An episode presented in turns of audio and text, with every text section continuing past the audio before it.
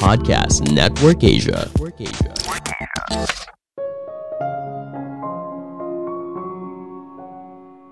Self healing beneran nggak butuh jalan-jalan. Kamu hanya butuh meluangkan waktu untuk dirimu sendiri. Halo semuanya, nama saya Michael. Selamat datang di podcast saya, Sikutu Buku. Kali ini saya akan bahas soal fenomena self healing dan anak muda. Apakah kamu sering dengar istilah self healing? Banyak anak muda menggunakan istilah ini saat pergi liburan untuk keluar dari kepenatan sehari-hari. Tapi apakah ini benar? Bukankah kata yang lebih cocok adalah refreshing? Banyak penelitian memang menunjukkan kalau traveling punya dampak positif pada kesehatan mental. Namun perlu dipahami, pergi sejenak dari kenyataan tidak berarti kalau semua masalah kamu akan hilang. Namun yang terjadi, traveling membantu pikiran kamu kembali segar dan melihat hidup dari perspektif yang lebih jernih. Sebelum kita mulai, buat kalian yang mau support podcast ini agar terus berkarya, caranya gampang banget. Kalian cukup klik follow Dukungan kalian membantu banget supaya kita bisa rutin posting dan bersama-sama belajar di podcast ini.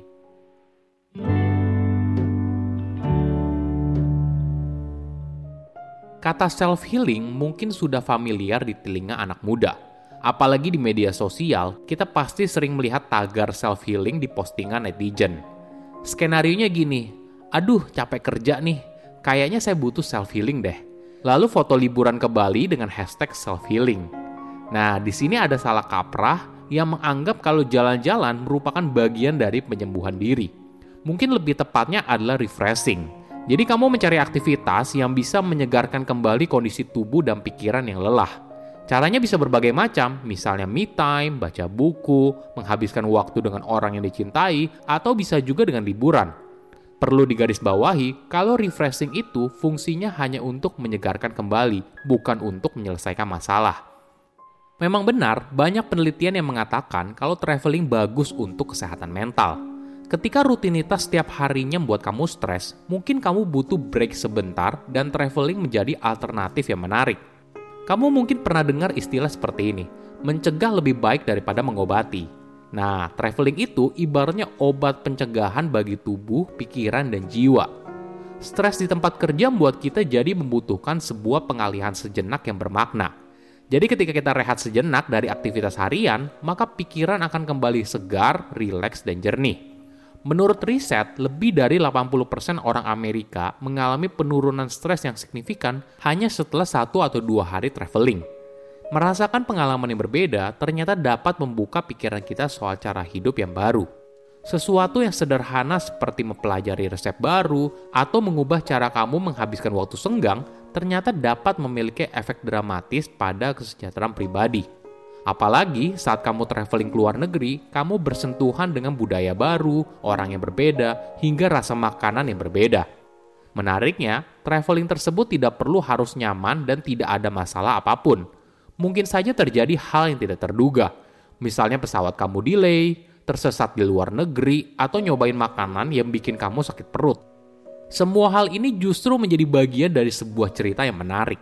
Ketika kamu berhasil melewati kejadian tersebut, maka akan muncul rasa pencapaian yang luar biasa. Selain itu, pelajaran berharga ini akan menjadi sangat penting bagi hidupmu di masa depan. Traveling dan merasakan hal baru dalam hidup selalu menyegarkan dan baik untuk kesehatan mental, tapi bukan jawaban untuk semua masalah. Traveling tidak bisa menyelesaikan depresi, kecemasan, atau berbagai masalah mental. Pergi sejenak dari kenyataan tidak berarti kalau semua masalah kamu akan hilang. Namun yang terjadi, traveling membantu pikiran kamu kembali segar dan melihat hidup dari perspektif yang lebih jernih.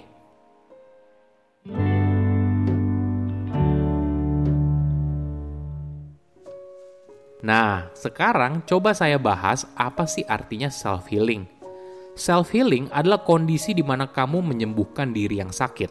Bisa berhubungan dengan kesehatan mental atau fisik. Penyembuhan diri bukanlah istilah yang umumnya digunakan dalam penelitian psikologis. Namun biasanya proses penyembuhan diri dari hal-hal seperti trauma, depresi, kecemasan, dan stres. Menariknya, untuk melakukan self-healing, kamu nggak butuh jalan-jalan kamu hanya perlu meluangkan waktu untuk diri kamu sendiri. Nah, ini ada beberapa tips yang bisa kamu coba. Pertama, penyembuhan diri dengan cinta kasih. Kadang kita selalu bersikap terlalu keras pada diri sendiri. Kita marah pada diri kita sendiri ketika kita gagal melakukan sesuatu dalam kondisi sakit dan sebagainya. Namun bersikap keras pada diri sendiri tidak akan membawa kebaikan. Malah bisa menghambat proses penyembuhan di dalam tubuh dan pikiran. Cobalah mulai dengan menulis surat untuk dirimu sendiri. Tulis segala hal baik dan bagaimana kamu bisa membantu diri kamu di masa depan. Kedua, penyembuhan diri dengan tidur yang cukup. Tidur ternyata punya efek menyembuhkan.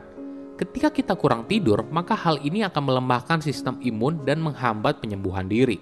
Kita sering kali memprioritaskan untuk kerja lembur, main game, dan sebagainya daripada tidur yang cukup. Mungkin efeknya tidak begitu terasa apabila jarang terjadi. Namun apabila sering, hal ini malah berdampak buruk pada diri sendiri. Ketiga, penyembuhan diri dengan latihan pernafasan. Jika kamu sering kali merasa stres atau cemas, hal ini mungkin disebabkan alarm tubuh yang berhubungan dengan melawan atau kabur sedang aktif. Salah satu cara sederhana yang bisa kamu lakukan adalah berlatih untuk memperhatikan nafas. Latihan ini bisa membantu kamu untuk tenang dan menurunkan stres yang kamu hadapi. Ketika kamu memang mengalami trauma atau depresi, kamu menghadapinya, bukan melarikan diri. Itulah kenapa proses penyembuhan diri tidak butuh jalan-jalan hanya butuh waktu antara kamu dengan dirimu sendiri. Kondisi ini memang tidak nyaman, namun perlu kamu lalui untuk bisa berdamai dan akhirnya kembali tenang.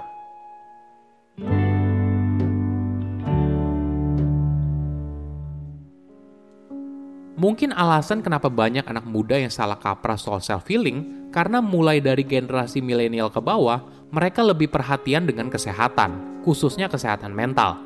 Pada tahun 2015, menurut riset Pew Research Center, milenial merupakan generasi yang lebih perhatian untuk merawat diri daripada generasi sebelumnya. Mereka menghabiskan dua kali lipat untuk perawatan diri, seperti daftar ke pusat kebugaran, rencana diet, terapi, dan sebagainya. Bagi anak muda sekarang, kesehatan bukan lagi sesuatu yang sifatnya lip service, namun mulai diterapkan dalam kehidupan sehari-hari – tidak heran ketika mereka merasa penat melakukan aktivitas sehari-hari, mereka jadi beralih pada liburan untuk self-healing. Apalagi ditambah dengan perkembangan media sosial.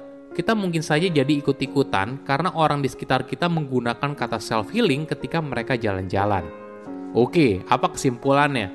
Pertama, salah kaprah soal self-healing. Ada salah kaprah yang menganggap kalau jalan-jalan merupakan bagian dari penyembuhan diri mungkin lebih tepatnya adalah refreshing. Jadi kamu mencari aktivitas yang bisa menyegarkan kembali kondisi tubuh dan pikiran yang lelah. Kedua, traveling berdampak positif pada kesehatan mental. Stres di tempat kerja membuat kita jadi membutuhkan sebuah pengalihan sejenak yang bermakna. Jadi ketika kita rehat sejenak dari aktivitas harian, maka pikiran akan kembali segar, rileks, dan jernih. Ketiga, self-healing hanya butuh waktu dengan dirimu sendiri Ketika kamu mengalami trauma atau depresi, kamu menghadapi masalah bukan melarikan diri. Itulah kenapa proses penyembuhan diri tidak butuh jalan-jalan. Hanya butuh waktu antara kamu dengan dirimu sendiri. Kondisi ini memang tidak nyaman, namun perlu kamu lalui untuk bisa berdamai dan akhirnya kembali tenang.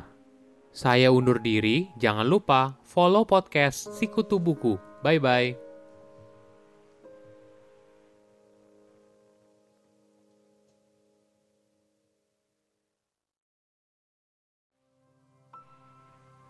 Pandangan dan opini yang disampaikan oleh kreator podcast, host, dan tamu tidak mencerminkan kebijakan resmi dan bagian dari podcast Network Asia. Setiap konten yang disampaikan mereka di dalam podcast adalah opini mereka sendiri dan tidak bermaksud untuk merugikan agama, grup etnik, perkumpulan, organisasi, perusahaan, perorangan, atau siapa pun dan apa pun.